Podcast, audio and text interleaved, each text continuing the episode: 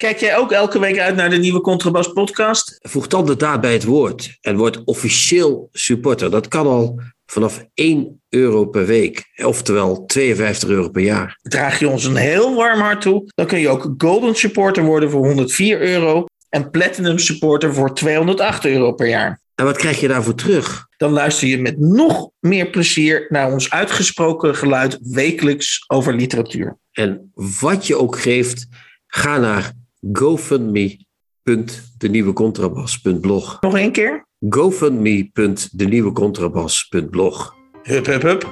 Hup.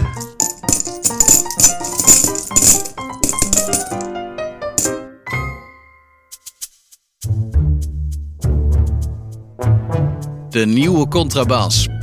Podcast. Over hedendaagse literatuur en de wereld daaromheen. Met Chrétien Breukers, een elitaire Limburger.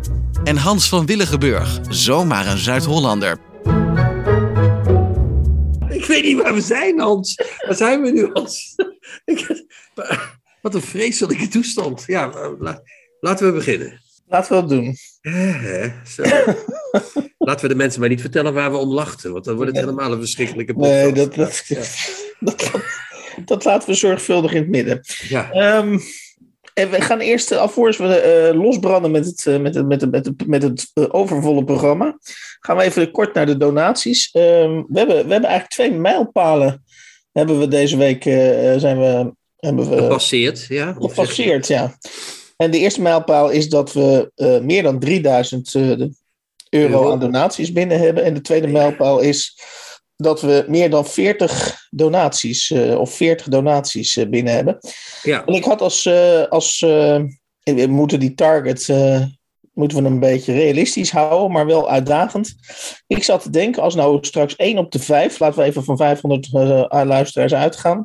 Als we het dan nou inzetten op 100 donaties, dan, dan luistert, luistert dus nog vier vijfde, vier van de vijf mensen, die luistert nog steeds zwart naar de nieuwe contrabas, maar 1 op de 5 die, eh, die heeft dus eh, eh, gedoneerd. Nou, dat lijkt me, nu we er 40 hebben, lijkt me dat en haalbaar en redelijk. ja, we hebben trouwens meer luisteraars, dus dat moet nog meer worden. Maar 100 om te beginnen is goed. Daar Ja. beginnen we mee. Maar we blijven, we blijven zeggen, en dat gaan we elke week, ben ik bang, herhalen, dat de mensen die zwart luisteren zich diep en diep moeten schamen. Ja, maar dan, dan, laat ik, echt gewoon- enorm diep. eh, dat ja, dan laat ik even een op- gewijde, st- gewijde stilte En opvallen. ik heb nog twee briefjes die ik mag voorlezen. Ja, Zullen we dat nog ja, even ga- doen? ja, niet? Eh, alsjeblieft. Ja. Ja, ik heb een eh, eh, eh, donatie binnen van Andrea Kluitman. Eh, en die zegt, heel erg fijne podcast. Nu pas ontdekt waarom. Meteen gaan binge luisteren en uitermate vermakelijk en leerzame uren beleefd. Dank jullie wel. En dan zeggen wij natuurlijk, dankjewel Andrea. Dankjewel. René van Riesen, dichteres, eh, ook, heeft eh, gedoneerd en zegt: Dank voor de podcast, de nieuwe Contrabas. Ik luister elke week. Is het niet onder de afwas? Zie je, Hans? Ze hebben geen afwasmachines, ons luisteraars. Mhm. Dan wel tijdens het schillen van grote hoeveelheden appels voor de appelmoes. En ze eten ook veel appelmoes, blijkbaar, onze luisteraars. Twee mannen die van lezen houden en dit overbrengen op hun luisteraars. Eminente, oh wacht, het gaat nog verder. Eminente voorproevers van literatuur die de zin om te lezen aanjagen. Elke week weer een nieuwe ontdekking. En niet te vergeten een aantal goed onderbouwde waarschuwingen. Een lust voor het oor. Dankjewel, René. Top, René. Ja, dat waren de twee briefjes van de week. Er waren meer eh, donaties dan twee, maar er waren, dat waren de twee lieve brieven die we mochten voorlezen. Ja. Eh, en, ik wil nog, en, ik, en ik wil nog even toegevoegd hebben, eh, en dan gaan we snel door, is dat ehm, voor mij geldt, ik weet niet hoe dat voor jou ligt, Chrétien, maar eh, een gedoneerde euro, al is het maar 1 euro, of 5 euro, of 10 euro, ja, dat, dat, dat, dat verwarmt mijn hart. Ja, dat, dat, dat, Ja, het voelt voor mij een beetje zoals vroeger, ehm, als je, toen je zakgeld kreeg. Hè? Je wist wel dat je het kreeg, maar als dat knisperende briefje van vijf in je broekzak zat, dan openden alle mogelijkheden zich van een kauwgombal tot eh, twee biertjes in het café, tot... nou, Hè, je- je- ze, ze waren er niet allemaal, maar je wist, je, je had meer dat directe contact met het geld, zeg maar. Dat is wat wij hier eh, hebben. oké, nou misschien, misschien mis jij dat een beetje. En, eh, Ik heb namelijk geen dat facturen van directe vier. contact.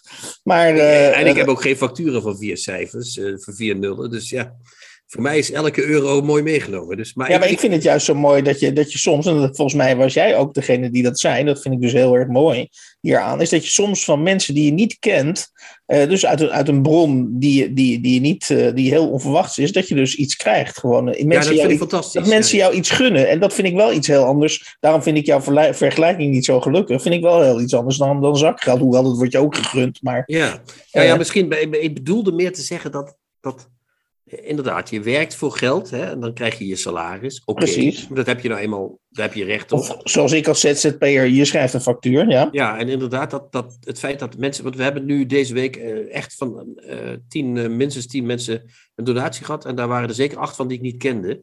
En dat vind ik echt fantastisch. Dat betekent dus dat er mensen zijn die je niet kent, die denken, nou, we gunnen, ja, ik ben het met je eens, dus daar komt het op neer. ja, ja. Ja, okay. ik vind het fantastisch, vind ik het. En het, het moet, het moet, ja, ik hoop dat het elke week uh, zo doorgaat. Het zou ja. fantastisch zijn. Ja. Oké, okay. um, dan uh, eerste item wat ik graag met je wil bespreken. Ik weet niet hoe het met jou gaat, Christian. Toen ik net aan de podcast begon, was ik blij met elk boek dat we opgestuurd kregen. En uh, ja, het was een soort feestelijk gevoel, net als die donaties. In zekere zin een heel feestelijk gevoel geven. maar goed, we zijn nu bij 52 en nu, nu ploffen er allerlei dikke boeken op onze mat. En dan, ja, dat, dat, dat, daar gaat een. Als je niet oppast, wordt het zomaar routine. Daar gaan wij voor oppassen. Wij gaan zorgen dat het niet gebeurt. Maar nee. het gevoel is toch net. Het, het, evolueert, laat ik het heel voorzichtig zeggen. Maar nu hebben we, uh, wat betreft de aanvoer van boeken, hebben we echt nieuws. Ik zou bijna zeggen een primeur. De eerste uitgever die niet wenst aan te leveren aan de nieuwe Contrabas podcast. Ja, welke uitgever is dat, Hans? Dat is uitgeverij Oevers. Oh, wat grappig. Ja. Dat is de uitgever waar ik zelf uh, tot uh, voor kort uh, bij zat. ik, met mijn vorige roman En in de nacht een riem is verschenen bij Oevers, zoals je weet. Ja. En nu binnenkort verschijnt er een boek van mij dat gaat heten Praag aan zee. En dat zou ook verschijnen bij Oevers, maar dat gaat verschijnen bij Vleugels. En misschien heeft die kwestie dan iets te maken met het feit dat Oevers ons geen boeken meer wil aanleveren. Ik weet het niet. Oh, je hult je even in mist, want jij weet daar natuurlijk alles van. Nou ja, ik weet er alles van natuurlijk, ja. Kijk, uh, toen wij uh, enige afleveringen geleden uh, Arjen Peters bespraken, zijn dichtbundel. Hè, wij bespraken Wel VDR, ja. Wel VDR, een verschrikkelijke bundel vonden wij dat. wij bespraken toen zijn bundel, niet zijn levenswandel. Toch? Weet je ja. nog? En zijn levenswandel was al niet echt geweldig, maar die bundel was ook niet fantastisch. En de, dat hebben wij ook in zoveel bewoordingen gezegd. Ik vooral, geloof ik, als ik me dat niet verkeerd herinner. Maar jij ja, ook. jij nam was, daarin de lead. Ja, ja, jij. Nam de, ik nam de lead en jij, ja, je vond het toch ook niet echt dat je zegt, goh, Nee. dat moet Ik ging er stilzwijgend mee akkoord, ja. Ja, nou, toen, uh, toen, ik had natuurlijk die bundel bij want die bundel verscheen bij Oevers. Nu begint de plot al te thickenen, hè, zoals je begrijpt. Mhm. En um, wij hadden die bundel Ja, die bundel van Peters bedoel je? Ja, oké. Die bundel van verscheen ook bij Oevers. ook bij precies. Oevers. Hij zat bij dezelfde uitgever als jij, ja. Dus wij hadden dat boek, boek aangevraagd en uh, gekregen ook. En uh, althans in pdf-vorm. En uh, toen uh, mijn uitgever vroeg dus, wat ga jij over die Peters zeggen? En toen heb ik gezegd dat wij daar niet zo, dat ik in ieder geval niet zo tevreden erover was. En toen gaf hij mij een keus. Toen zei hij tegen mij, of je zegt niks over Peters in de podcast. En dan mag je bij mij blijven, dan mag je bij Oevers blijven met je volgende boek. En de tweede keus was, je houdt je mond tijdens de podcast over Peters. En eigenlijk liever nog, je houdt helemaal op met de podcast. Dan mag je blijven. En daar heb ik toen tegen hem gezegd dat ik een dag erover na zou denken. Want ik ben, vroeger zou ik meteen gezegd hebben, stop, die, uh, hè, stop je voorstel maar uh, waar de zon niet schijnt. Ja. Maar toen heb ik er een dag over nagedacht en toen heb ik hem uh, gemaild, want hij was telefonisch ineens niet meer bereikbaar. En toen heb ik gezegd, ja, sorry, maar dat kunnen we niet doen. Ik ga uh, bij jou weg en ik ga toch over Peters podcasten. Wat we gedaan hebben. En dat was toch een van onze beste items, denk ik, eerlijk gezegd. Dus zo is het, denk ik, ben ik bang gekomen dat Oevers denkt, die boeken van ons, die hoeven niet meer naar de nieuwe Contrabas podcast. Ja. Nou, vertel je dat heel feitelijk en heel netjes? Dat, dat, ik, dat, ik, ik, ik, heb bewijs, ik kan de mails uh, voorleggen waarin het staat dat het zo ja, is. Oké, okay, ja. maar, uh, dus, maar en de toon waarop het, want ik heb dat destijds natuurlijk met je meegelezen. Hij en, vond mij ineens arrogant en zo, dat, zei hij Ja. er nog bij. Ja, maar ik was, ik was alleen nog maar aan het informeren Nee. naar de bundel. Dus, ja, uh, ja. maar het gaat me even om het journalistieke interessante feit dat het dus uh, in ieder geval bij Oevers, uh, voor andere uitgeverijen kunnen en willen wij natuurlijk niet spreken, dus dat gaan we ook niet doen. Maar bij, bij Oevers, en dat zou zomaar eens een trend kunnen zijn, dat is de speculatieve deel van mijn verhaal. is dat, dat het dus steeds normaler wordt om als een soort tribe, dat een uitgeverij ook een soort tribe is. En dat het dus, uh, als je bij hetzelfde fonds publiceert, dat het dus, en dat geldt dus in ieder geval voor oevers, dat dan de stilzwijgende afspraak schijnt te zijn, of uh, blijkt te zijn, dat je over andere auteurs in hetzelfde fonds niks onaangenaams mag zeggen. Ja, dat, dat zou de journalistieke trigger kunnen zijn. Maar ik heb dat nagevraagd bij een aantal vrienden van mij, die bij andere uitgevers zitten en die ook als recensent werken. En die zeiden tegen mij dat dat echt totaal niet het geval is. Dat zij zelf ook ooit negatief over boeken van hun eigen uitgeverij gesproken hebben. En dat dat niet tot gevolg heeft gehad dat ze, de, dat ze moesten wieberen. Als je dat zo uh, mag zeggen. Dus, dus dit is echt een precedent. Ik, ik heb te maken met een precedent. Uh, ik, ben, ik ben eigenlijk een precedent van iemand die gewoon bij een uitgeverij eruit wordt gekikt. Om, of althans, ik ben zelf gegaan omdat ik de eer aan mezelf heb gehouden. Mm -hmm. Maar anders was ik eruit gekikt omdat ik niet positief wilde zijn over alle. Dus ik wilde geen tribe zijn. Want als de literatuur iets is, is het toch wel geen tribe. Dan is het gewoon een uh, verzameling losse schrijvers en teksten, toch? Hans? Nou ja, laat ik het zo zeggen. We zijn allemaal mensen. Dus mensen hebben, hebben natuurlijk de aanleg om een, een tribe te vormen. En ja, uh, maar je hoeft niet ten koste van alles een tribe Schrijvers zijn daarin misschien niet fundamenteel anders dan, dan andere mensen. Maar dit, dit is natuurlijk heel. nog even, want oké, okay, we weerstaan de, de verleiding om uit die brieven. Want ze waren tamelijk dreigend, want ik heb ze natuurlijk ja, zelf ja, ook ja, gelezen. Dus uh, het viel me heel erg tegen van dat oevers. Uh, en wat mij betreft uh, hoeven we ook niet verder hier nu over door te emmeren. Het feit staat gewoon dat oevers.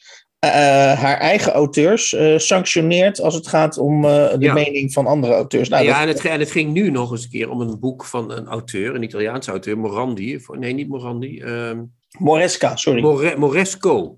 Antonio Moresco. Moresco, ja, die, en die waren we van plan, want dat vorige boek was echt geweldig. We waren dus van plan om dit zeer positief te bespreken. Dus we waren niet van plan om hier een soort van merkwaardige wraakactie uh, ja. uh, te organiseren. Dus dat, maar, ook dat nog eens een keer, moet je nagaan. Ja. Dus die meneer die uitgever Oevers bestiert, die, die is zo kinderachtig om ons dus ja, te blijven... negeren, ja. ja, ja. Ik, ik, blijven negeren. Ik ben blij dat de meeste uitgevers dat niet doen. En, en, en ik zou zeggen tegen de rest van de uitgevers, ga zo door. Yep. Dan uh, wil ik alvast iets speciaals aankondigen. De, de, onze vaste luisteraars hebben gemerkt dat we uh, de afgelopen uitzendingen uh, deels noodgedwongen geen gasten hebben gehad. Dus dat we zelf onszelf de ruimte hebben gegeven in de podcast. Dat blijven we natuurlijk gewoon doen. Maar de komende weken gaan we weer gasten ontvangen.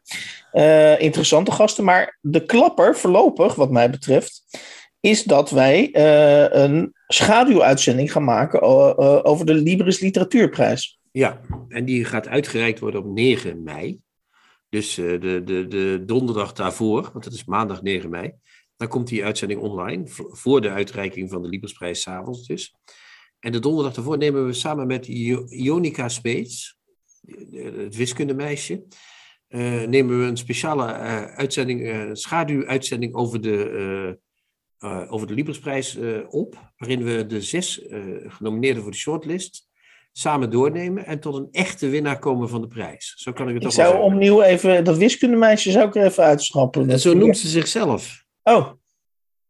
Dat hoeft helemaal niet. Uh, Oké, okay, oké, okay, sorry. Zeg ik, ik, zeg, ik, spreek dat soort dingen nooit neerbuigend uit. Dat is echt wat ze zelf. Uh, ze is. Okay. Zo noemt ze zichzelf, het wiskundemeisje. Dus dat zeg ik nooit uh, zomaar. Ja, maar zoals je het nu zijn en je weet dat niet, dan denk je dat jij haar een soort.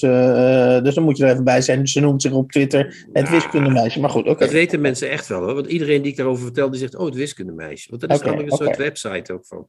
Goed. Ja, waar, dus- moet- waar moet ik het nou weer oppakken? Want Ja, dat weet ik ook. Sorry dat ik je onderbrak. We, wat, wat, wat we dan dus gaan doen eh, tijdens die uitzending, Hans, is dat eh, wij zijn de juryleden. Want dat, dat is wat de schaduwuitzending is. Hè? Wij Mhm. twee zijn de jury. En eh, zoals Ahmed Abu Taleb is de juryvoorzitter van de echte Librisprijs. Zo is Jonica Smeets dus de, de, de juryvoorzitter van ons. En dan hebben we drie stemmen. En dan kunnen we dus de echte winnaar van de prijs uitkiezen. Dus dat wordt dus- heel Dus spannend. Bij, de nieuwe Contrabas podcast weet je de winnaar eerder dan, eh, dan, eh, dan alle andere mensen. Ja, je weet het van ons. Als wij het zeggen, is het gewoon waar.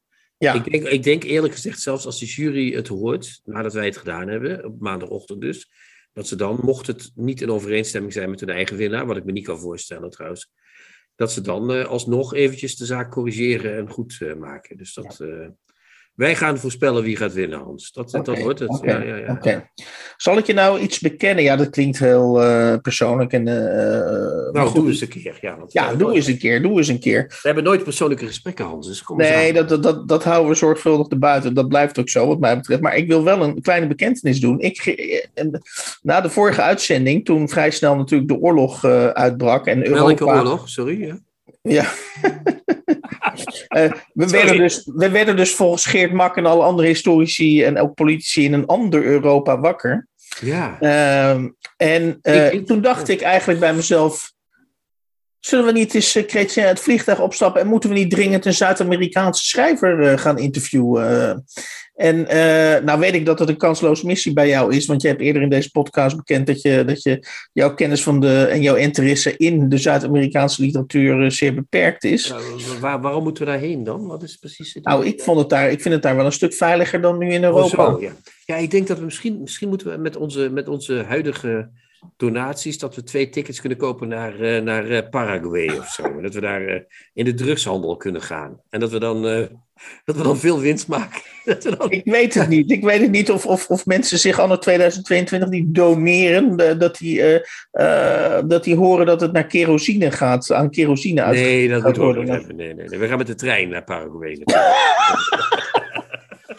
Via de Trans-Siberië. Oh nee, dat kan niet. Maar- Nee, die, die, die, die ligt nu stil natuurlijk. Niet iedereen is zo'n laffe hond of reageert zo lafhartig als ik. Hè? Dus ik wil het liefst eigenlijk even naar Zuid-Amerika. Maar goed, oké. ik, ik ben niet bang voor Poetin trouwens. Jij wel? Mm, nou ja, ik ben niet bang voor Poetin persoonlijk, maar ik ben wel bang voor een escalatie. Goed, maar, Ja, dit, maar, eh, maar, ja, maar escalatie, Hans, dat duurt maar heel kort. Zo'n atoombom, die valt en je bent er vanaf. Het is gewoon een kwestie van even tot tien tellen en weg ben je. Wat maakt het uit? Ja, maar dan Ja, moet ik hij ben er echt niet bang voor. Nee, sorry. Ja. Nou, maar ik denk dat als. Nou goed, oké, ja, dan laten we dat maar. eh, Kijk, eh, eh, hij zal niet op Nijmegen gericht zijn, maar als hij 50 kilometer verderop valt, dan ben ik bang dat je in Nou, vijf jaar heel langzaam gaat uitdoven. Nou, weet je dat er in Nijmegen was er een vergissingsbombardement in 1944 Ja, door de Engelsen. En daar, daar vielen meer slachtoffers dan in, in Rotterdam in 40, Hans. Dus wij weten hier ook wel wat bombarderen is. We zijn, niet, zo, eh, we zijn niet gespaard gebleven. Nee, nee, nee. maar je hebt ook heldhaftiger. eh, eh, zelfs onder dichters heb je veel held- heldhaftiger mensen. Ah, komt En dan verwijs ik even naar Ingmar Heitse. Die Ja, een, ja. nou, ik, ik, ik denk dat de eerste bommen nog aan het vallen waren. En toen kwam Ingmar Heitse al met een, met een gedicht over de Oekraïne-conflict, toch? Ja, dat, dat, dat, dat moeten we eigenlijk even inderdaad. Daar moet, dat pak ik er even bij, Hans. Dat is fantastisch. Dat heet Drie uur vliegen. Vind ik een mooie titel al.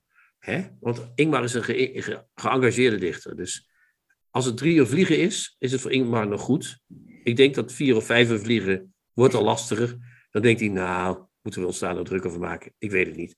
Maar die heeft dus, om het dappere volk van de Oekraïne te steunen, een gedicht geschreven. Zullen we daar eens even een kleine... Zullen we even lezen in dat gedicht? Ja, ja, lees jij maar even voor.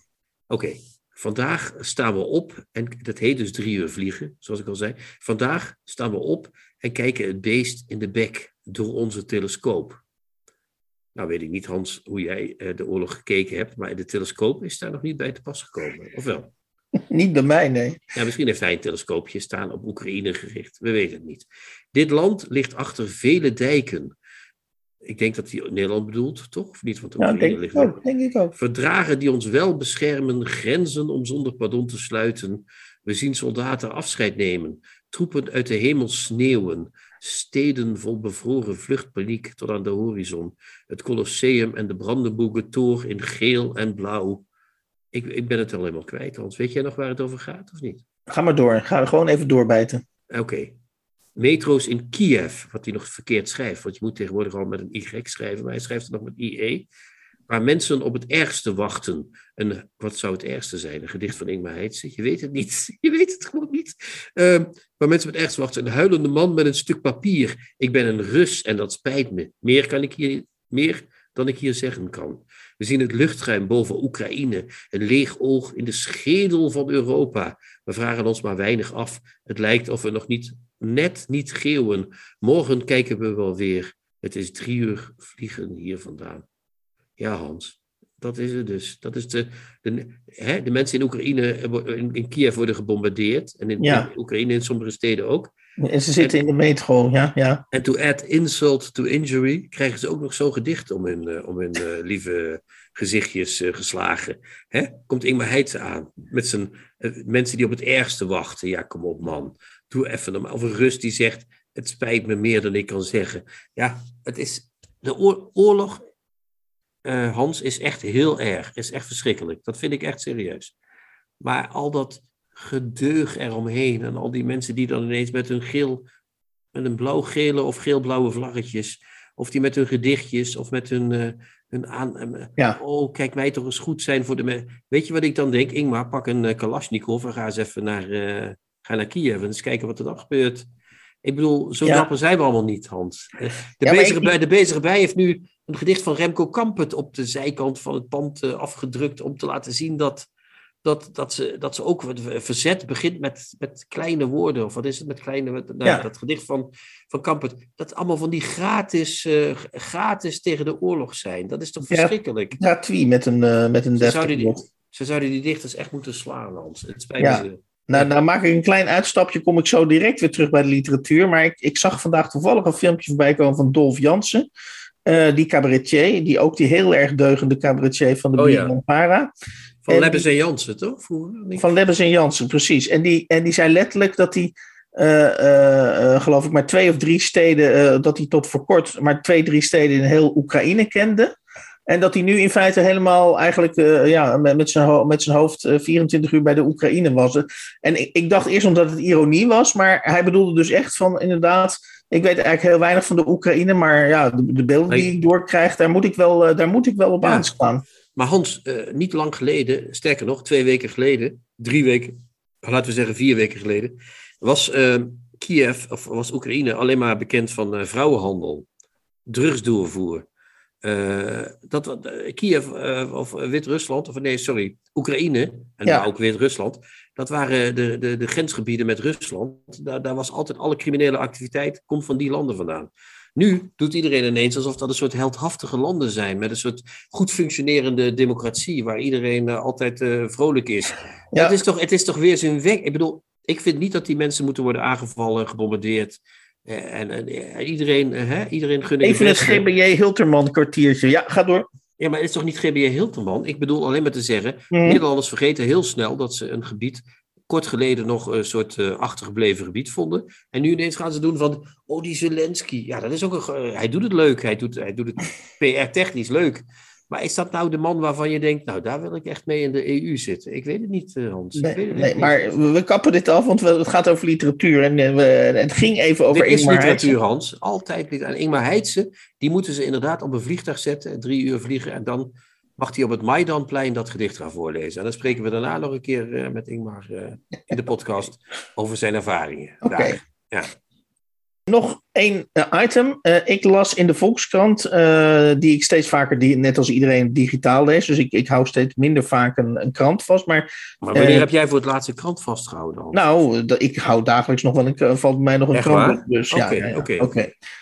Um, maar er stond op de voorpagina, stond, let op, Poetry International, uh, bekend uh, poëziefestival in Rotterdam sinds 1970.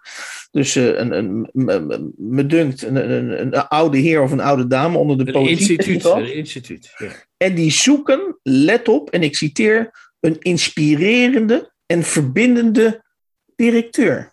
Maar dan weet ik wie de kandidaat gaat worden, Hans. Ja? Jij ook of niet? Nou, ik heb geen idee. Uh, nou, maar... Ik, zie maar, ik zie maar één kandidaat dan nu op dit moment. en dat ben jij. Hier zie ik Hans van Wilgenburg. Hier staat Hans van Wilgenburg in neonletters boven deze Weet, weet je het zeker? Ja, inspirerend. Jij inspireert me elke week. Al is het maar tot uh, maagzuur. Weet ik veel. Iets. Je, je doet iets. En Verbind... ik ben ook verbindend, dat ga je nu zeggen. Nou ja, je verbindt mij uh, in die zin. Ik, ik was nooit van plan om elke week een podcast te maken. Maar jij wist het toch. Uh, op een gegeven moment kreeg ik gewoon een briefje van koop een microfoon en we gaan beginnen. Dus ja, jij verbindt behoorlijk, mag ik wel zeggen. Oké. Okay. Dus je, ik denk dat dat niet lullen, maar poetsen voor jou, dat dat daar toch een aardig... Uh, Oké. Okay. Dat kan toch een oh. aardig uh, effectje hebben, denk je? En, en, als ik nou tegen jou zeg dat ik gevraagd moet worden, dat ik niet ga solliciteren, wat zeg jij dan? Dan zou, dan zou ik tegen de stichting of tegen de vennootschap of wat is het? Is het een BV, is het een stichting? Is het, nou, dan zou ik zeggen, jongens, uh, Ik zou de telefoon er maar eens bij pakken, want dit gaat anders helemaal verkeerd. Want voordat je het weet zit Hans in, in New York of in, in, eh, in Paraguay eh, heeft hij iets leuks eh, gevonden. En dan, Ja. is hij, en dan is hij weg. Dan ben je hem kwijt. Dan is het soort Gergiev, maar dan, eh, nou, die is nu alles kwijt. Maar dan is het een soort Gergiev die weg is eh, bij jullie. Oké. Ik, ik, ik wil graag wel ook eh, de eerste keer dat jij directeur bent dan optreden bij jullie. Komt goed. Maar dan voor een behoorlijk honorarium ook, als het eh, kan. Dat begrijp je wel eh, natuurlijk, eh, ja. Jongens uit Rotterdam, eh, haal Hans. Tips van de week. Boeken, artikelen of pamfletten die boven het maaiveld uitsteken. Nou, eh, dan zijn we weer eigenlijk aan het, of eigenlijk, dat, eh, daar was ik vanaf, maar daar kom ik nu dus nog eventjes nog één eigenlijkje dan ertussen. Ja. We komen bij het kerndeel eh, van, van, toch van de podcast, en dat is toch het beschrijven, onze core business, laat ik het zo zeggen, van deze podcast, en dat is toch het bespreken van, van boeken. We hebben dus over, behalve dan van oevers, dat is inmiddels duidelijk, hebben we dus van uitgevers, hebben we niks over uitgevers te klagen. We krijgen de ene dikke pil naar de andere, valt bij ons op de deurmat. En een van die dikke pillen was de afgelopen weken Herfstdraad, de roman Herfstdraad van, ik ga het hopelijk goed uitspreken, Jamal Ouariaki. Ja, dat was het inderdaad. Ja. Het is een roman, Hans. Een herfstdraad.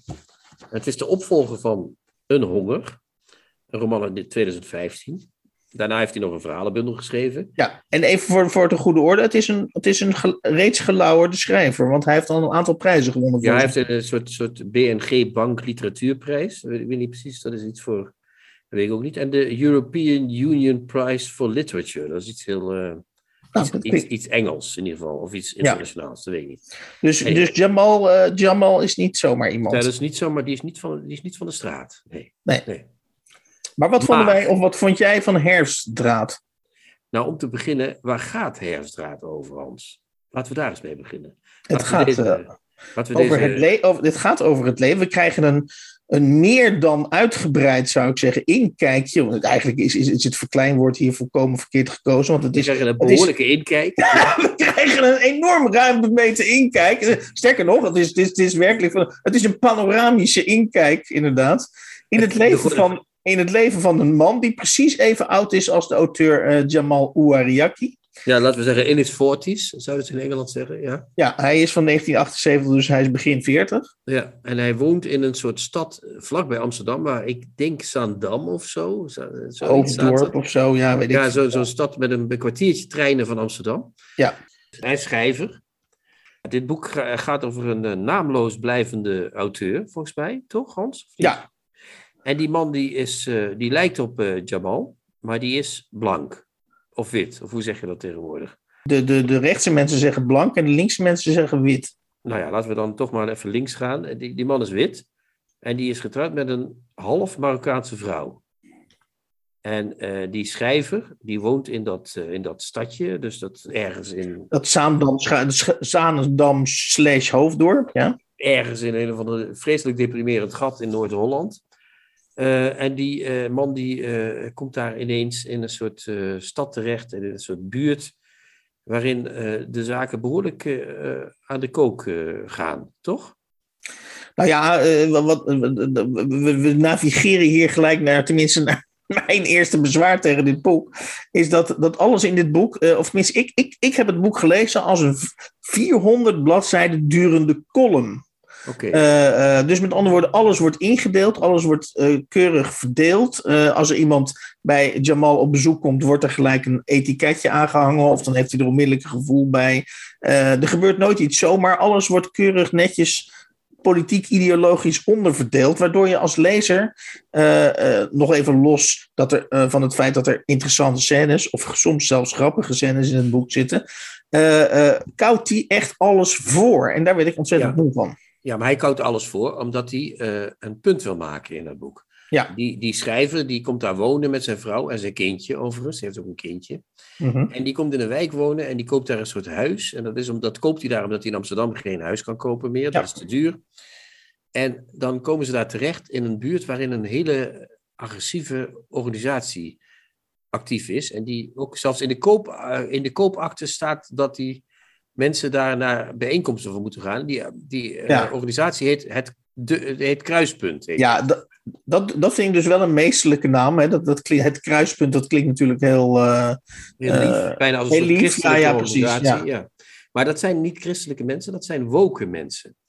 Dat zijn mensen die gaan die mensen die daar in die buurt wonen helemaal woke instrueren. Dus alles wat, wat woke is, wordt die mensen door de strot geduwd. En die schrijver, die eh, heeft eh, eh, natuurlijk, die, die is wit, dus die denkt, ja, ik geloof dat allemaal wel. Althans, die, dat standpunt neemt die schrijver in, in dat boek. En die vrouw van hem, half Marokkaans, die is daar wel gevoelig voor, voor dat kruispunt. Dus die drijft langzaam mee met die, met die politiek correcte ja, zoals, eh, je- zoals je het nu vertelt, is het pure illustratie bij de zeven vinkjes van Joris Luijendijk. Dus zeg maar, Ja. eh, de, de, hoofd, de hoofdpersoon is, is de zeven vinkjes. Die is ondiscrimineerbaar. eh, eh, en die heeft zoiets van, ja, waar- waarom moeten we dit Waar hebben allemaal... we het hier over? Waar, mo- Maar- waarom moeten we dat allemaal agenderen? En, en die vrouw, die half Marokkaans is, die denkt natuurlijk van... nou, er is nog wel wat te winnen in Nederland. Maar die, die noemt zichzelf ook op een gegeven moment een persoon van kleur en zo. Hè? Dat Ja. is gewoon een half Marokkaans iemand, dus die is hoogstens, nou ja, één tint bruin, zeg maar. Hè? Dat is niet veel. Maar die voelt zichzelf ineens gediscrimineerd en, en op huiskleur gediscrimineerd, et cetera. Maar, nu komt het. De, die mannen, jij zegt die man is zeven vinkjes, dus ondiscrimineerbaar. Maar die schrijver heeft een probleem. Die heeft belastingsschuld. En niet zo'n beetje ook. Die krijgt ineens 20.000, die krijgt een dwangbevel van 20.000 euro onder zijn neus eh, geschoven. Dus die denkt, hola, waar haal ik dat met mijn... want die, die schrijver is ooit eh, bekend geweest, eh, net zoals eh, Jamal bekend is, nog steeds. Maar die heeft al zijn columns is kwijt, is die kwijt en boeken verkopen natuurlijk niet. En hij, zijn nieuwe boek loopt ook niet zo lekker, gaat ook niet helemaal goed. Dus die denkt, waar, hoe moet ik in hemelsnaam aan die 20.000 euro komen? Ja. Nu blijkt er in die buurt, waar het kruispunt actief is, daar is ook een andere organisatie actief. Namelijk Beschaafd Rechts. Ja, Dat zijn mannen. Dat zijn alleen maar mannen, voornamelijk. Maar- ook rijkere mannen. Een beetje de welgestelde mannen. Zeg maar, als je zou moeten kiezen tussen de, in deze podcast, dan ben jij het, zeg maar. Jij bent beschaafd rechts, zeg maar. En ik ben het kruispunt. Ja, zo zit het, zo zit het wel, Hans. Ja, laten we elkaar geen mietje noemen. Zo zitten de zaken in elkaar. En die man, die, denkt op, die heeft een buurman. eh, Dus de schrijver heeft een buurman, Wim, geheten. En die Wim, die, is, die introduce- introduceert hem bij dat beschaafd rechts. En die vertelt hem ook dat er een soort noodpotje is voor geld voor, Ja. voor, voor mensen. Dus die schrijver denkt, hela, dat noodpotje, dat moet ik gaan plunderen. ja, Dan kan ik mijn belastingsschuld eh, aflossen. En dan kan ik misschien ook nog mijn huwelijk redden en, en het huis bij elkaar houden. Want hij is, hij is nog maar net verhuisd, of die schuld dient zich aan. Dat hele huwelijk dreigt te desintegreren, et cetera, et cetera. Maar wat ik zo mooi vind aan jou, jouw beschrijving tot dusver, normaal ben je altijd iemand die op de stijl ingaat en op, op, zeg maar hoe iets is opgeschreven en de compositie. Maar nu volg je, vind ik prima trouwens, eh, even de, de, de plotlijn van het boek. Eh, maar ja, eh, Chrétien, je moet je, je moet je door een hoop details heen worstelen. Daar kom ik zo meteen nog op. Ik want, eerst want, Jamal, maar dan mag jij weer. Jamal is wel van het type dat die tot het laatste rol behangpapier eh, zal die beschrijven. als er mensen op bezoek komen, er zijn discussies. Ze gaan een etentje doen en dan al die politieke discussies. die, je moet is verschrikkelijk. over al doorheen gewoon. Ja, het is, dat, dat is verschrikkelijk. Maar daar kom ik zo meteen op. Ik wil toch Ja. nog even de plotlijn afmaken. Ja. Hij, hij eh, pikt die eh, noodkast leeg van, van, van die mensen. Van dat Van beschaafd deftig rechts. rechts, toch? Ja, Deftig rechts, ja. ja je En, zei net eh, beschaafd rechts. Oh, maar het gaat- beschaafd deftig, hè? Sorry, ja. En dat, dat pikt hij leeg. En dan denk je, nou, nu komt er een soort gigantisch plot. met, met een einde waarin alles ontploft. Dat valt heel erg mee. Het komt er eigenlijk op neer dat een huwelijk uit elkaar klapt. Nou, dat hadden we meteen al gedacht. Dat gaat uit elkaar klappen. Kan niet anders. Ja, als je, naar, als je naar Hoofddorp of Zaandam verhuist, dan... dan, dan zijn er maar twee wegen. Dat is zelfmoord of een echtscheiding. Dat kan niet anders. Nou, en eh, hij, eh, hij, hij gaat weer terug naar Amsterdam. Ook, maar dat is ook een beetje sentimenteel allemaal. Want dan gaat hij met zijn oude vrienden weer uit. En dan is hij zo blij dat hij in Amsterdam is. Het is echt walgelijk eigenlijk. Maar goed, dat doet er niet toe. Eh, je denkt, nu komt er nog een echt einde. Waarin, iets, waarin, waarin in- er valt een dooie of zo. Nou, er valt ook wel een dooie. Maar die valt heel erg op afstand. Hè? Dat is die vrouw van, die, Ja. van dat kruispunt. Die wordt vermoord. ja, Dan, dan moet hij dat pistool verbergen en zo. Dat is allemaal, je denkt, er zit iets in in die plot, maar dat, dat gaat allemaal als een natte eh, krant uit. Hè? Dat, dat, dat wil maar niet branden. Dan houdt het boek op. En dan komt wat jij zegt, Hans. Eh, dit is een boek wat probeert over eh, thema's uit deze tijd eh, te praten. Namelijk de, de, de groeiende Ja, tegenstelling. praten is misschien wel een goed woord, ja. ja. Ja, praten inderdaad, want hij babbelt. Eh, Babbelen eigenlijk is nog een beter woord. Ehm, het, het, het boek wil zeggen, er zijn woke eh, mensen en er zijn mensen die proberen het langs de wat rechtsere lijnen te zoeken.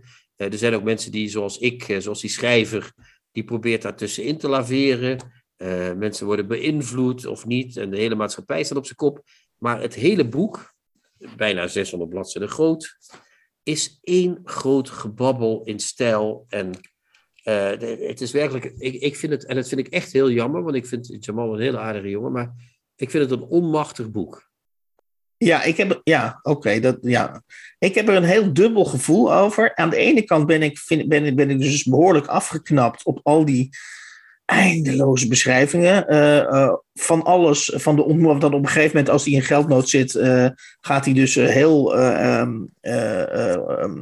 nederig gaat hij bij een, een grote krant proberen een column te Oh ja, krijgen. vre- vreselijke stukken. En dan moet hij dus onderhandelen met een redactrice die hem dan gaat confronteren met zijn eerdere, wat meer po- rechtsere meningen en zo. Nou ja, dat, het, weet je wat, het, het is, het is allemaal heel pijnlijk en het is allemaal.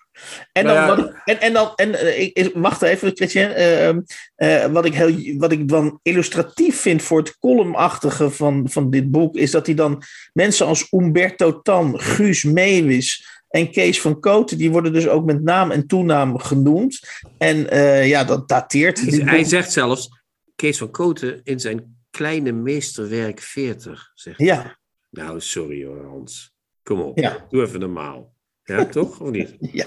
Maar goed, misschien dat de luisteraar nu denkt van, nou ja, die Jamal Ouariaki, die valt dus niet bij jullie zo in het pulletje. Ik, ik, ik, ik, wat, wat ik dus eh, eh, steeds heb, en ik ga daar ook even een voorbeeld van geven, ik ga even voorlezen, is dat hij dus eh, bij al zijn beschrijvingen, het zijn er dus al te veel, die beschrijvingen, het is einde, soms echt eindeloos, die beschrijving, maar wat ze extra irritant maakt, is dat constant zijn eigen meningen eh, door die beschrijvingen heen lopen. Dus vandaar dat het steeds een soort column wordt. En ik heb daar even een voorbeeld van. Eh, let op, dat is op pagina 119. Eh, dan zit hij op de school, dan heeft hij eh, ehm, eh, eh, zijn kind, die zit op school en dan heeft hij contact met twee ouders, Oh, collega-ouders. met Merel en zo. Ja, ja. Ja. ja, ja. En dan schrijft hij het volgende. Ik probeer ze te peilen, deze twee collega-ouders. Types waar ik normaal niet mee in aanraking zou komen. Ze hebben dat korpsballerige waar ik slecht tegen kan, maar waar ik overheen probeer te lezen, omdat ze nu eenmaal de ouders zijn van een vriendje van Salina. Horst doet iets met sales, heeft hij al eerder eens verteld. Je moet in zulke gevallen niet vragen wat zo iemand verkoopt, weet ik inmiddels. Verkoop is gewoon verkoop. We leven in een economie waarin de inhoud niet ter zake doet. Merel is coach, ook al zo'n leeg containerberoep.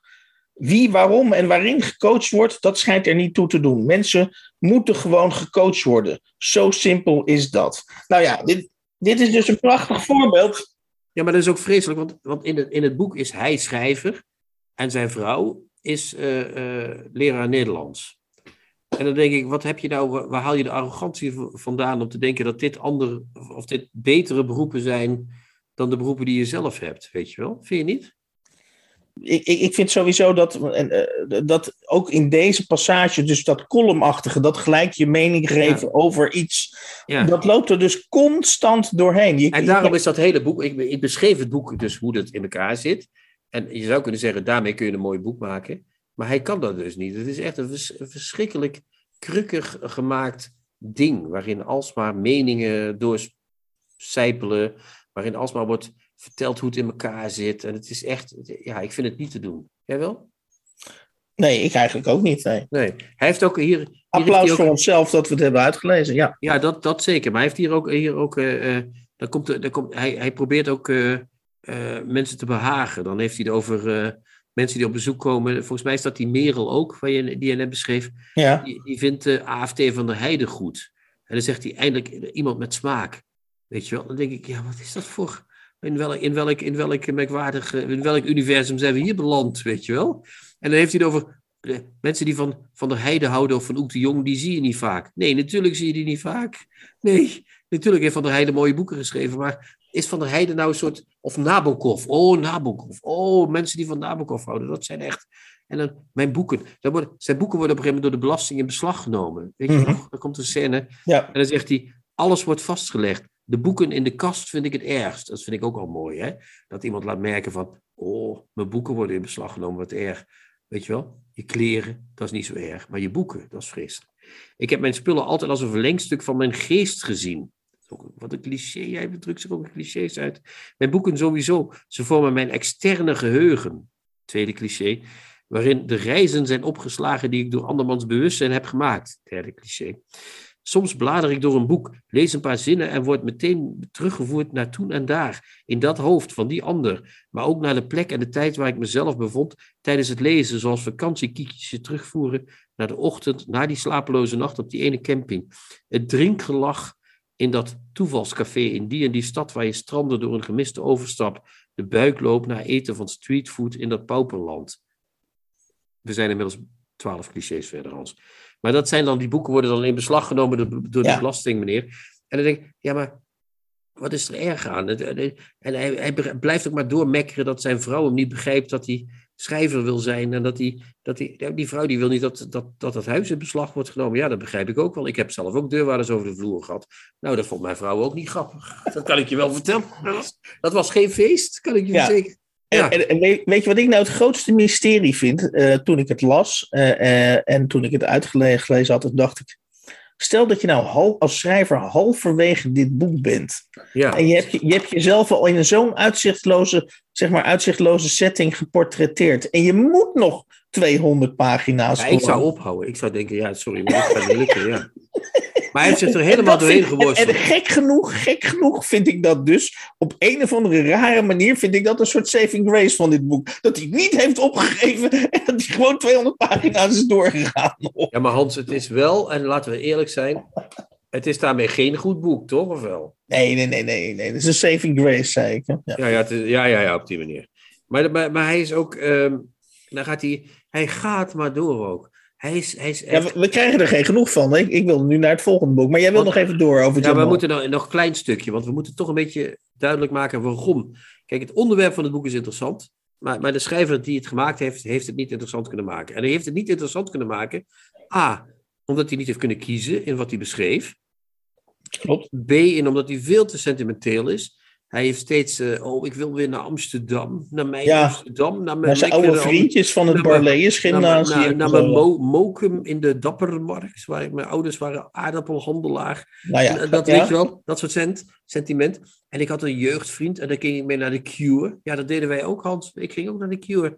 En dan gaat hij mee naar de Cure in Londen. En dan is dat allemaal heel fijn. En dan moet hij huilen. En zijn meisje en zijn, en, en, en zijn kindje. Oh, zijn kindje. Ja, natuurlijk. We houden allemaal van ons. Oh, ik dacht dat je nog naar een citaat toe praten. Of, of, nou, nee. Dat, ja, we kunnen nog een citaat doen. Even, ik, ik wil er nog een eentje in flatsen om het... Uh, ja, om het, om het af te ronden. Ja. En dan zegt hij van... Uh, uh, oh ja, hij gaat dan met die vriend naar de Cure in Engeland. In Londen, denk ik. En dan gaat hij kijken naar het Engels, in een café, kijken ze naar het Engels elftal. Dat gaat dan winnen van, even kijken. Daar gaan ze. Engeland-Zweden gaan ze daar kijken. Oké. En hij houdt helemaal niet van voetbal, niet echt. Maar goed. Iedereen in deze pub is doorweekt van het zweet en uitzinnig. En in al die dampende opwinding ziet niemand dat mijn ogen vochtig worden van een ontroering die ik niet kan plaatsen. Dat is ook een mooie, Hans. Ze worden vochtig van een ontroering die niet plaatsen. Ik ben van Ajax gaan houden, maar ik heb niets met het Engelse nationale elftal. En toch sta ik geëmotioneerd te slikken als Harry Maguire na een half uur een eerste doelpunt maakt.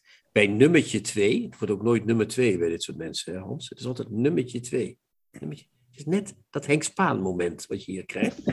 Uh, nummertje twee, door Dele Ali. Vroeg in de tweede helft. Laten we niet vergeten, Hans, het was in de tweede helft. Ja, vroeg in de tweede helft. Hij vroeg in de, het was niet in de het derde helft. het, is, het is echt een inkijk in, in het leven van ja, ja, ja, ja precies. Dat is dat detail weer. Hè? Dat, dat vroeg in de tweede helft. Dat kan dus zijn in minuut 46 kan minuut 47 zijn. Maar ook, kan ook nog, minuut... het kan ook nog minuut 54 zijn. Alles tot minuut 60 zou ik nog vroeg in de eerste helft hebben. Dus heel precies is het toch weer niet. Bij, vroeg in de tweede helft laat ik de tranen vrijelijk lopen, Hans. Tranen lopen hier niet gewoon over je wangen, die lopen vrijelijk hier. Ja. In dit proza. Het helpt dat ik niet de enige ben. Hè? Al die Engelse, de rouwdouwers, die staan in dat café lekker te janken met z'n allen om die... Om die Harry Maguire, ja. Nee, nee, Dele Ali, dat is van de tweede goal. Oh, Deli Alli, ja. En dan staat er, het blijft bij 2-0. Nou, noem het maar niks naar deze beschrijving. Engeland gaat door naar de halve finale. We kunnen terug naar Hyde Park. En dan gaan ze dus naar het concert.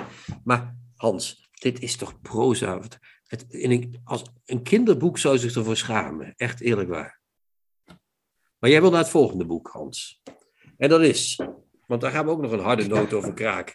Eh, dat is eh, eh, het boek De Expeditie eh, van Wessel te Gussinklo. Ja, een van vorige- mijn favoriete auteurs, ik zeg het er gelijk bij. Ja, Eh, en eh, vorige week hebben wij het tweede deel besproken, dat is het meesterwerk. ja, dat is een essay over het boek. Ja, en over is- zijn begin van zijn schrijverschap. Hè? Dat is het eigenlijk. Ja, en dit boek is geschreven voor, en dat komt dus nu, als ik het goed heb, voor het eerst uit. De Ja, zeker. Expeditie dus. Dat is zijn dus nooit verschenen debuutroman, die in 1963, dat is mijn geboortejaar toevallig, Ja. is, dat, is dat geschreven. Nou, Hans, het had beter ongepubliceerd kunnen blijven, toch? Of niet? ja, ik, ik, ik gooi het er maar meteen in. Zeg Ja. maar. Wat, wat Nee, nee, ik vind, het, ik vind het een prachtig boek. Ik was diep onder de indruk van het essay vorige week. Dat heb je Ja. gehoord. Ik heb daar echt om gelachen en ik heb daar om gehuild. Ook net als eh, Jamal om eh, het Engels voetbal. En Ja. ik heb eh, daarmee kunnen leven. En toen begon ik die expeditie te lezen. En toen dacht ik, heren mijn tijd, wa- wat is dit voor onzin? Nu begrijp, ik, nu begrijp ik waarom daar een essay van 180 bladzijden achteraan moet. Want anders was dat hele boek, hadden ze net zo goed niet kunnen uitgeven, toch? Ja? Nee, maar jij moet dus nog wennen, want dat, dat heb je de vorige keer gezegd, dat je eigenlijk nog nooit een boek van Wessel de Gussinglo hebt gelezen. Dus dit, Maar ik heb natuurlijk een beetje gelogen. Ik heb ooit het zeer helder licht, daar ben ik ooit in begonnen. En dat heb ik na 20 bladzijden gillend eh, weggelegd. ja. En ik ben ook in de opdracht ooit begonnen. Eh, Nou kijk, begin jij Jij, eerst jij maar bent van- gewoon niet bestand tegen dit type schrijven. Dat, Nou ja, jij, jij- nee, ik ga, ik ga dadelijk vertellen wat ik er tegen heb. Maar ga jij eerst eens vertellen wat je voor dit boek hebt? Eh, ik word constant. eh eh, Wessel de Gussinklo is een schrijver. waarvan ik vorige week al gezegd heb. ga ik even kort memoreren. Is een schrijver die alles doet. wat, wat, wat, wat, je op een schrijfcursus. zeg maar. ver- ver- verboden wordt. Dus veel herhalingen. onafgemaakte zinnen. het is eigenlijk. Wessel de Gussinklo is eigenlijk luisteren. eh 100, 200, 300 pagina's lang. al naar gelang de lengte van het boek. Naar een soort stamelaar. Eh, eh, en dat is hij in dit boek natuurlijk. Eh, eh, ehm, eh, want, want dit is in feite het eerste boek wat hij geschreven heeft. Dus daarin heeft hij het stamelen. introduceert hij daar. Maar wat Ja. ik, waar het om gaat, er zijn natuurlijk twee belangrijke hoofdpersonen. Dat is de ik-persoon, Ronald heet hij geloof ik. En Ja. zijn vrouw Mirjam. En elke, elke pagina van het boek is hij in staat, in mijn ogen, om eh, je mee te zuigen in een soort redeloze haat. Die twee mensen hebben een relatie of zijn zelfs getrouwd. Eh, en eh, ehm, eh, de, de Ronald heeft een redeloze haat tegen die, tegen die vrouw. Ja, En, je, en, Ja, dat- en, en, het fascinerende is dat je blijft lezen, want je bent steeds op zoek naar waarom heeft hij nou zo'n hekel aan die vrouw. Ja, je komt er niet helemaal achter. Daar, nou, daar, kom je, daar, kom je niet, daar kom je helemaal niet achter. Nou, is- volgens mij heeft hij vooral een hekel aan haar. Als ik dat boek goed gelezen heb, dat weet ik niet. Mhm. Hij, hij, hij haat haar omdat ze niet echt van hem houdt, volgens mij. Ja, en omdat hij haar van haar, verde- haar verdenkt eh, van het feit dat ze een keer vreemd is gegaan. Nee, hij, hij, nou, dat begint met dat hij, hij denkt al meteen, volgens mij vanaf het begin, tenminste dat wordt gesuggereerd, Mhm. dat zij niet zo van hem houdt als hij van haar. Hij wil een soort symbiotische relatie Ja. met haar. Ja. En dat wil zij niet. Heel, heel begrijpelijk. En hij, hij suggereert ook dat zij bekent dat ze met iemand vreemd gegaan is. Maar dat wordt ook niet helemaal duidelijk of dat nou vreemd gaan in de bijbelse zin is. Of hoe zeg je dat? Of er alles gebeurd is. Of eh, alleen maar wat kleine fantasiedingetjes. eh, je weet Mhm, niet. mhm, mhm. Maar, maar hij, voor hem is dat allemaal genoeg om zijn haat te ontbinden tot in het kwadraat. zeg Ja. maar. En, en, en Wessel de daarom ben ik een fan van hem, eh, is, is dus altijd in staat, en dat lukt hem dus ook in deze ro- roman weer, om mij eh, eh, door, te laten, door te laten lezen. En wat ik, wat ik fascinerend aan zijn stijl vind, maar ook aan, aan zijn figuur. Ik, ik heb ook wel eens interviews gelezen met de Gussinklo en ik heb hem ook wel eens op televisie gezien. Het is een, het is een morsige uh, troe, en, dat, vind ik echt het woord wat op hem van toepassing is. Hij is troebel in elke, in elke betekenis van het woord. Dus uh, bij wijze van spreken, op het moment dat uh, Albert Einstein de relativiteitstheorie rond heeft en Wessel de Gussinklo zou binnenlopen, uh, dan zou die, uh, dan zou die, uh, relativiteits, dan zou die, die relativiteitstheorie binnen, binnen 30 seconden helemaal afbreken. Gewoon, ja, ja, het is een irritant mannetje, dat is wel het woord. precies. Wil, dat wil je wel zeggen, toch of niet? nee. Ja, en, hij is, en wat ik zo mooi aan hem vind, is dat hij helemaal geen enkele moeite lijkt te hebben om irritant te zijn in, nee. al, in zijn boeken. Nee, dat maakt dus hem ook hoofd, sympathiek. Dus die hoofdpersoon, en dat, en, en dat maakt het voor mij, uh, uh, dat heb ik, uh, of tenminste, dat vond ik heel erg mooi. Op een gegeven moment logeer, je logeert het stel in een hotel en dan gaan ze een bergwandeling maken. En je voelt natuurlijk aan alles aan dat dat verkeerd gaat aflopen. En dan op een gegeven moment is het moment daar, dan, dat beschrijft hij dan ook weer zo troebel dat je het niet helemaal door hebt. Geeft hij haar nu een duwtje? Uh, de nee, je weet niet hoe hij haar vermoordt, maar hij vermoordt er wel. Hè? Dat, ja, en dan, hij zegt dan, dat hij er vermoordt. Ja, ja. Precies, en dan komt het moment dat hij. En dat vind ik een prachtig beeld. Uh, uh, dit zijn dus allemaal redenen waarom ik vind dat de expeditie dus de moeite waard is om te lezen. Ik, zie, ik, zie, ik zie die vrouw naar beneden vallen samen met Wessel de Gussinklo. En dan zegt hij dat ze tegen een rotswand sloeg en dat ze terugveerde. En dat vind ik ja, terugveerde als een balletje, als een bal. Dus dat lijkt, bam, die komt zo hard tegen de rots dat het terug, terugstuitert ja. als een bal. En daar zit natuurlijk, nou ja, dat is dus een prachtige combinatie van iets ontzettend dramatisch met iets soort heel, heel, uh, heel lichts, namelijk een bal die tegen een, tegen een rots uh, stuitert. Ja, ik snap wat je bedoelt. Ja, en, ja. En, en dat vat eigenlijk, dat vat die hele dat hele universum waar Wessel de Gussinklo in schrijft, voor mij heel mooi samen. Ja. ja, ik snap wat je bedoelt. En ik, na dat essay vorige week was ik ook zeer benieuwd. Maar als ik het boek lees, hè, en ik lees het weer op mijn manier, dan lees ik in het begin een soort spin-off van de avonden. Hij irriteert zich aan de radio en hij irriteert zich aan alles wat ze doet. Dus net zoals uh, Frits van Echters zich aan zijn ouders irriteert, bijna, ja. zeg maar. Mm-hmm, mm-hmm. Hij heeft allerlei gedachten over hoe dat in dat gezin gaat. Uh, net zoals uh, Frits van Echters ook dat heeft. Dus dat, dat, daar ja, begint het mee. het grote verschil dat Gerard Reven in prachtige zinnen dat doet. En, en, en, en, en Wessel de Gussinklo, dat zijn een soort, ja... Dat, zijn ook prachtige zinnen, maar een soort, soort van schokkende zinnen zijn dat. Ja, ja. Schokkerige zinnen. Dat is Schokkerig, ja. Ja, en dan en de, in dat tweede deel, als hij dus naar, uh, naar die uh, wintersport gaat. Mm-hmm. En daarna krijg je nog zo'n mooie scène in het café, waarin hij na de dood van die vrouw uh, weer terug is. En dan gaat hij naar een soort merkwaardig nachtcafé waar allerlei gekke dingen gebeuren. Klopt. Um, dan kom je in een soort hele slechte vestdijk terecht. vind ik eerlijk gezegd. Ja, ja maar dat, ik had het net over het woord troebel. Dat, dat is dus ook weer op die, na, dat, die nachtcafé-scène. Is ook het woord troebel is weer maximaal ja, van Maar bij, bij, bij Vestdijk heb je altijd het idee van de, de, de, de gebeurtenissen in dat boek dragen de plot. En bij hem heb ik het idee dat die gebeurtenissen, die heeft hij bedacht. En daar heeft hij nog een soort plot bij uh, ge, gekozen. En ik vind dat bij Vestdijk stijgt, en ik heb nu met uh, Rob uh, hebben we zeven boeken, we zijn nu aan het zevende boek bezig. Mm-hmm. De nadagen van Pilatus. Bij Vestek is het echt zo dat zo'n boek is ontstaan en je merkt, ook al ben je niet helemaal gek op dat boek, dan weet je, dit is echt dwingend zo, dat moest zo. En bij Gussinklo denk ik toch van dit, hij dacht van hoe ga ik dit eens schokkend aanpakken. Dat is anders dan bij Vesdijk. Hij, Mhm, bij Gussinklo is het van...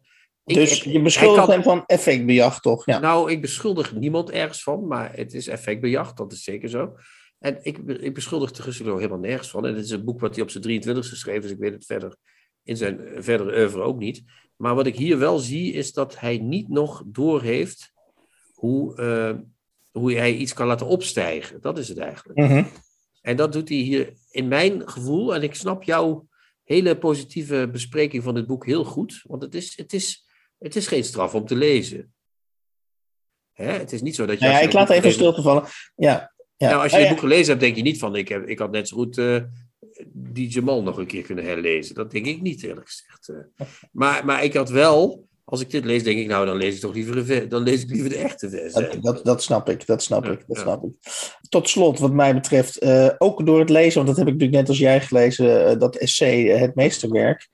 Uh, in combinatie, nog steeds fantastisch. Dat ja, vind ik in, in combinatie dus met de expeditie, de, uh, het boek of de roman zelf. Wat me nog opviel, is dat um, hij als jongeling, volgens mij Wessel Gussinklo, psychologie heeft gestudeerd. En dat hij volgens mij um, dus in heel zijn werk, want dat, dat is wel, denk ik, is dat hij psychologische theorie, dus machts, machtsfantasieën, hoe ego, superego, al dat soort begrippen, hoe mensen elkaar, of hoe individuen zichzelf de vernieling, psychologisch de vernieling in kunnen werken. Dat zijn, ik, ik zie hem, laat ik het zo zeggen, ik zie hem als een literair ontspoorde student psychologie. ja, dat, nou, dat, dat, dat, ik denk dat dat goed gezegd is. Dat is hij ook. Dat doet hij hier ook heel veel. Hij is de hele tijd bezig met het, met het gedrag van die vrouw. Ja. Dan, hij doet ook. Ik, ik heb nog één ding wat ik ook nog wil zeggen. Hij, hij is dus inderdaad psychologisch aan het duiden. En tegelijkertijd is hij ook slachtoffer van uh, psychologische mechanismen. Want hij. Ik merkte op een gegeven moment toen ik dat boek las, dat was, hij, hij, hij is heel vaak heel grof tegen die vrouw. Ja. Hij scheldt eruit voor hoer, weet je wel. En, en dat zijn natuurlijk vreselijke woorden. Als je die thuis zegt, dan heb je een behoorlijk probleem, zou ik maar zeggen. Mhm. Eh, en terecht ook. Uh, maar ik merkte ook dat ik het ging lezen met moderne ogen. Dus met een beetje het kruispunt ogen van uh, Jamal.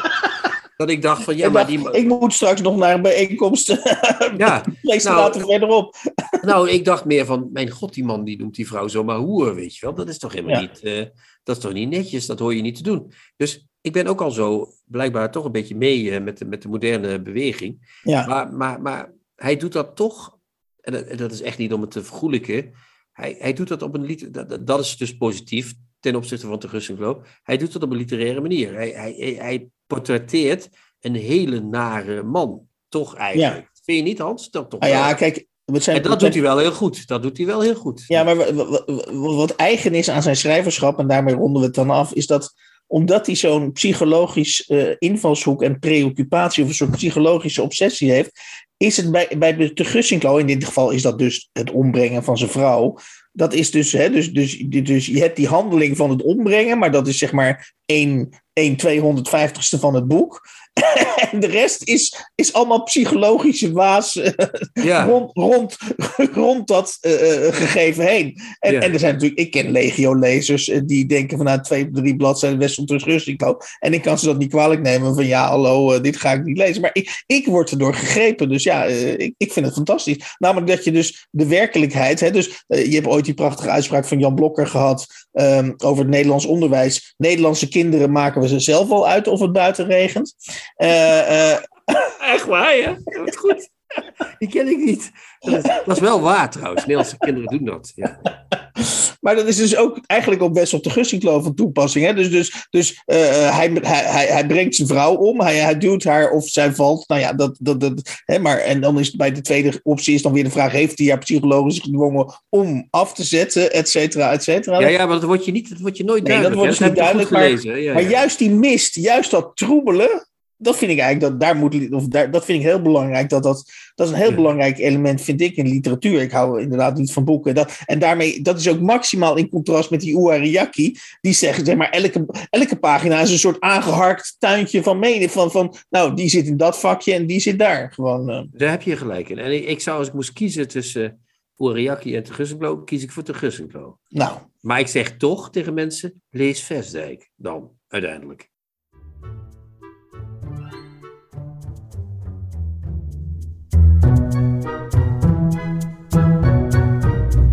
De nieuwe contrabas. Podcast.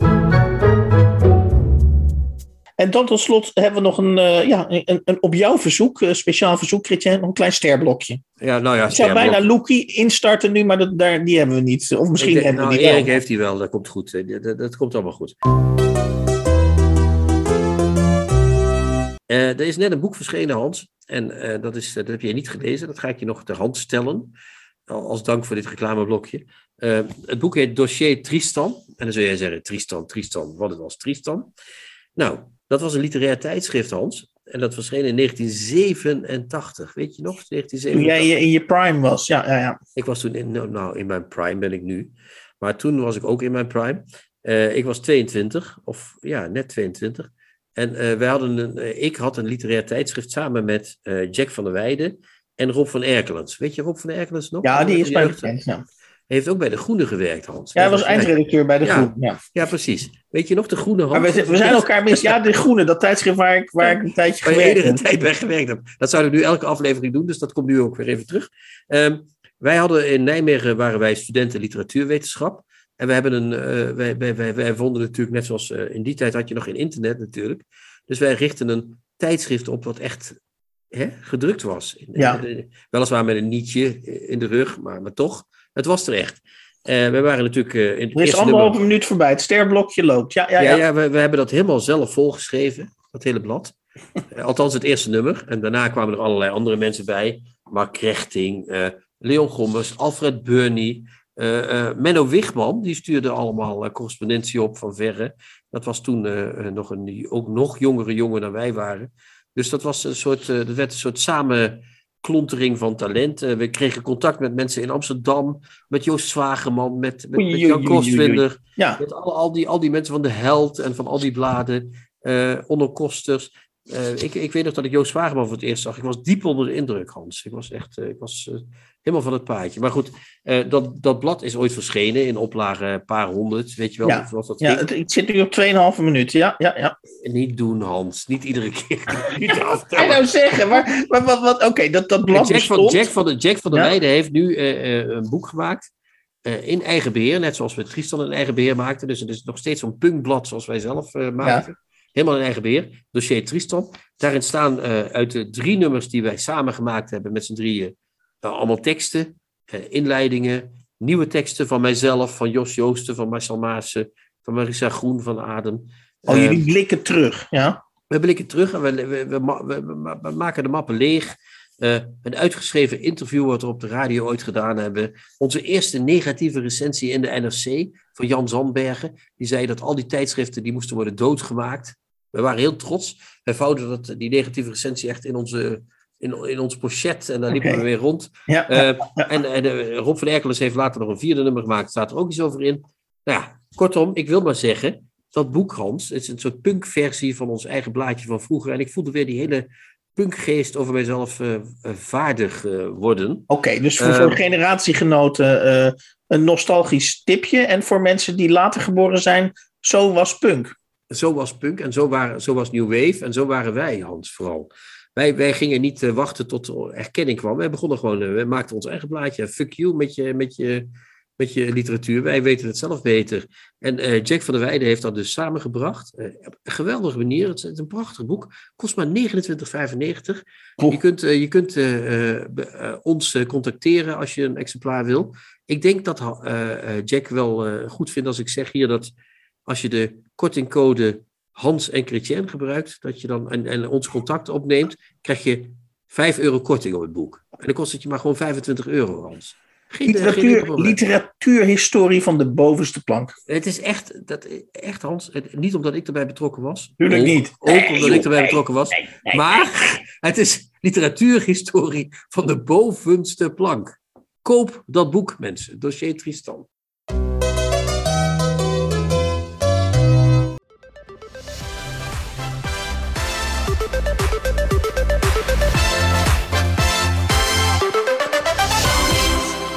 Nog even tot slot, Chrétien. Mag ik niet onvermeld laten, ehm, zoals eh, eh, de luisteraars wel zullen begrijpen, hebben wij als podcast ook een eigen appgroep met, met alle medewerkers in die appgroep. En daar zit dus ook eh, onze medewerker Marika Keblusek in. Die eh, verbonden is aan de rubriek bij Lobit, waarin ze ons interessante buitenlandse schrijvers die niet, nog niet in Nederland bekend zijn, eh, voorstelt. En eh, zij was de afgelopen maandag, en dan hebben we het over, Chrétien, eh, 28 februari. 28 februari, was zij in Parijs. En om 19.16 uur krijgen wij in de hele app krijgen we de volgende tekst in hoofdletters. Volgens mij, al dus Marika, ben ik net Michel H. gepasseerd in de Rue de Faubert in Saint-Denis. Nou, ik, ik viel zo wat van mijn stoel. Ja, wat we, zij bedoelt hiermee natuurlijk niet. Wie is Michel H. Hans? Zeg het even. Eh, Michel Wellebeck. Ja, jouw favoriete, hè? Exact. Ja. En ik, en ik ben alert, want in 1917 eh app ik terug.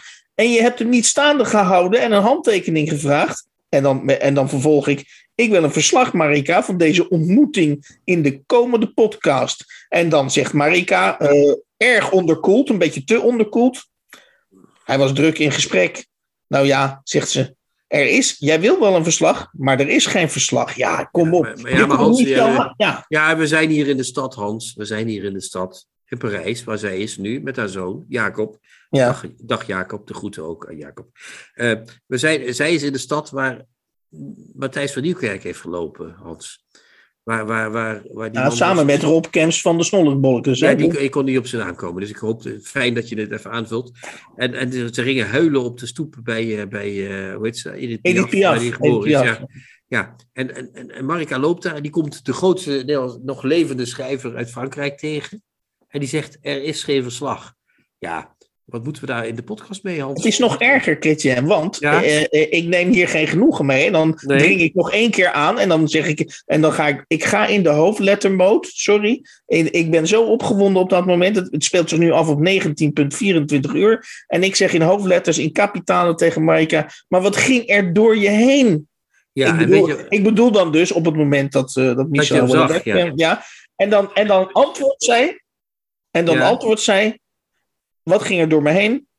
Door me heen ging, wat een vies mannetje. Ja, dat kan niet, Hans. Nee. Nee, ik bedoel, oké, okay, het is wel een vies mannetje. Dat is waar. Maar je gaat niet, als je de grootste schrijver...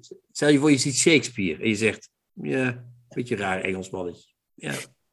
En hij leek, hij leek op een Tottenham supporter, zoiets, ja. Ja, zoiets, ja, ja, ja.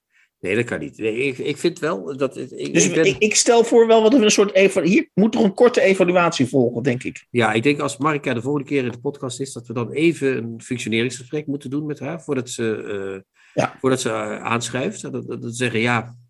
Marika, we houden van je. En sterker nog, heel veel mensen die uh, ons luisteren houden ook van Marika. Maar dit, dit je kunt niet te er moet gehandeld worden, Hans. Ja, ja, ja maar, maar ik heb nog niet eens. Eh, en, en, en, er is nog een staartje. Er is nog een staartje. Nou, nog een staartje. Vertel, ja, er is nog een staartje. Want Michel Wellebeek loopt daar niet zo, maar die is niet alleen maar zijn vieze zelf. Zeg nee, maar. wat dan? Hij, Ja, wat- hij, hij loopt daar met andere mensen. Dus en wie zei dat dan? ja, dat, dat wilde ik dus. Dus, daar moet op zijn minst een speculatie op volgen. Ik bedoel, Was ja, dat een uitgever? Was dat een, Ja, is- iemand? Een filmmaker die een film gaat Precies, maken? precies. Dat moet onderzocht worden. En daar, daar moet je op zijn minst zo- je gedachten over hebben. Maar, Dus misschien maar- heeft Marika wel iets historisch gezien en heeft ze niets gedaan. ja, dat, ja, precies. Zo erg. Dat kan dus, ja. En Misschien dat- heeft hij dan het gesprek van zijn leven gevoerd daar op straat. Ja, En eh, eh, is, is, is zeg maar eh, de richting van zijn volgende roman 180 graden omgedraaid in de Ja. Rue de Faubourg. En, en Marika doet niet eens een poging om het te achterhalen. Ja, dat, Misschien is dat hij wel met een priester daar aan het lopen en wordt hij katholiek. Net als Wiesmans, waar hij over schreef. zou zomaar kunnen. Ja, en, en dan, zit- dan zijn wij... eh, dat, dan hebben wij de primeur gemist. Nou ja, we zijn natuurlijk blij dat Marika eh, haar ogen. eh, eh, In die zin ze, open had. Ja, ja. ze had haar ogen open, maar ja, wat er volgde, dat bleef, bleef een beetje. ja, Nou jongen, en zo leiden we maar door, Hans. Wat en zo leiden we maar door.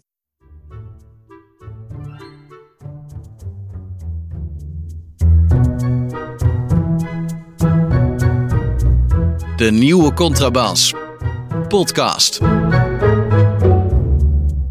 In de 52e uitzending van de nieuwe Contrabas podcast eh, kwamen voorbij de roman Herfstdraad van Jamal Ouariaki. En dat is verschenen in 2022 bij uitgeverij Querido. En dan bespraken we eh, eh, de voorste helft van het boek De Expeditie. eh zijnde De Expeditie, de roman De Expeditie. Van Wessel de Gussinklo. En dat eh, verscheen eveneens in 2022 eh, bij uitgeverij Koppernik. Ik mocht aandacht vragen voor het boek, het prachtige boek Dossier Tristan. Is gemaakt door Jack van der Weijden. Eh, het gaat over het tijdschrift Tristan dat ik had met hem en met Rob van Erkelens. In 1987, dames en heren. Lang, lang geleden. Het is hier, wat Hans net zei, literatuurhistorie van de bovenste plank.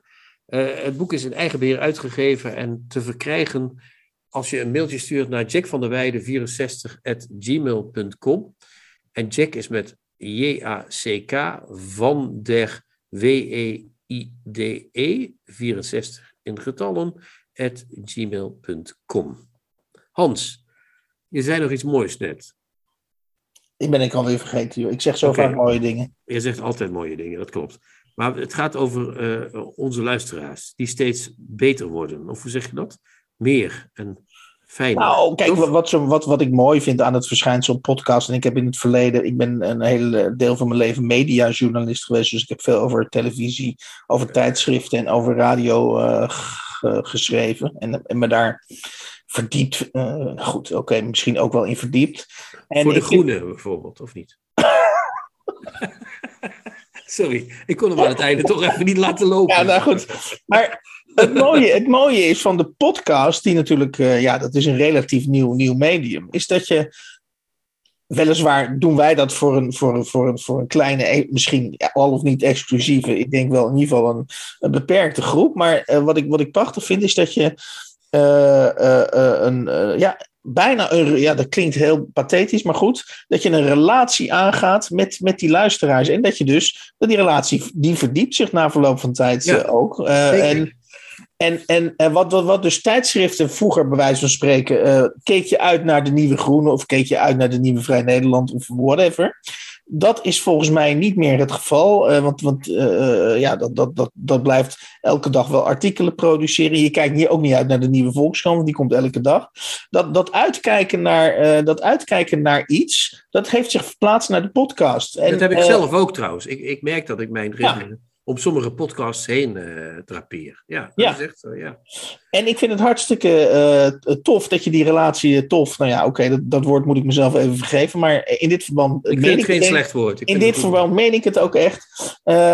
dat je dus die relatie met die luisteraar kan, in zekere zin kan verdiepen en ontwikkelen. En dat er dan uiteindelijk als beloning een donatie komt. Ja, dat vind ik, van, dat vind ik ongelooflijk spannend en leuk. Ja, ja ik, ik denk toch dat we dan toch moeten besluiten met de mededeling dat mensen die willen geven, kunnen dat gaan doen bij gofundme.denieuwecontrabas.blog.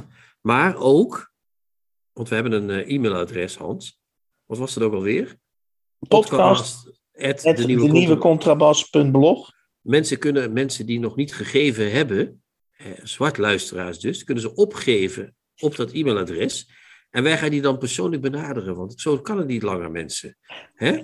Ook, ook de zwart luisteraars moeten nu oké. uit, hun, uit hun pijp komen. Ja, hup. Ja, dat ik het goed begrijp, eh, dat ik het goed begrijp, Chrétien. Jij roept nu luisteraars op die als ze mensen kennen die zwart naar de nieuwe Contrabas podcast luisteren, Geef ze dat ze, een aan. mail, dat ze een mailtje kunnen sturen naar podcast.denieuwecontrabas.blog om ze eh, om te attenderen op het feit dat er mensen gratis eh, stiekem luisteren. Nemen en shamen. Aangeven die handel. Huppakee. Ja, zo gaan we dat doen. En dan zeggen we nu, tot slot, tegen al onze lieve luisteraars die wel legaal luisteren. Chin chin, ciao ciao. Ciao, ciao. Kijk jij ook elke week uit naar de nieuwe Contrabas podcast? Voeg dan de daad bij het woord en word officieel supporter. Dat kan al vanaf 1 euro per week, oftewel 52 euro per jaar. Draag je ons een heel warm hart toe, dan kun je ook Golden Supporter worden voor 104 euro en Platinum Supporter voor 208 euro per jaar. En wat krijg je daarvoor terug? dan luister je met nog meer plezier naar ons uitgesproken geluid wekelijks over literatuur. En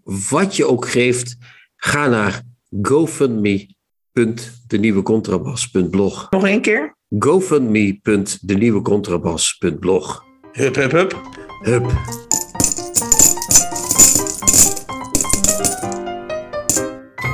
De nieuwe Contrabas podcast wordt gemaakt door Chrétien Breukers, Hans van Willigenburg en Erik Lindenburg.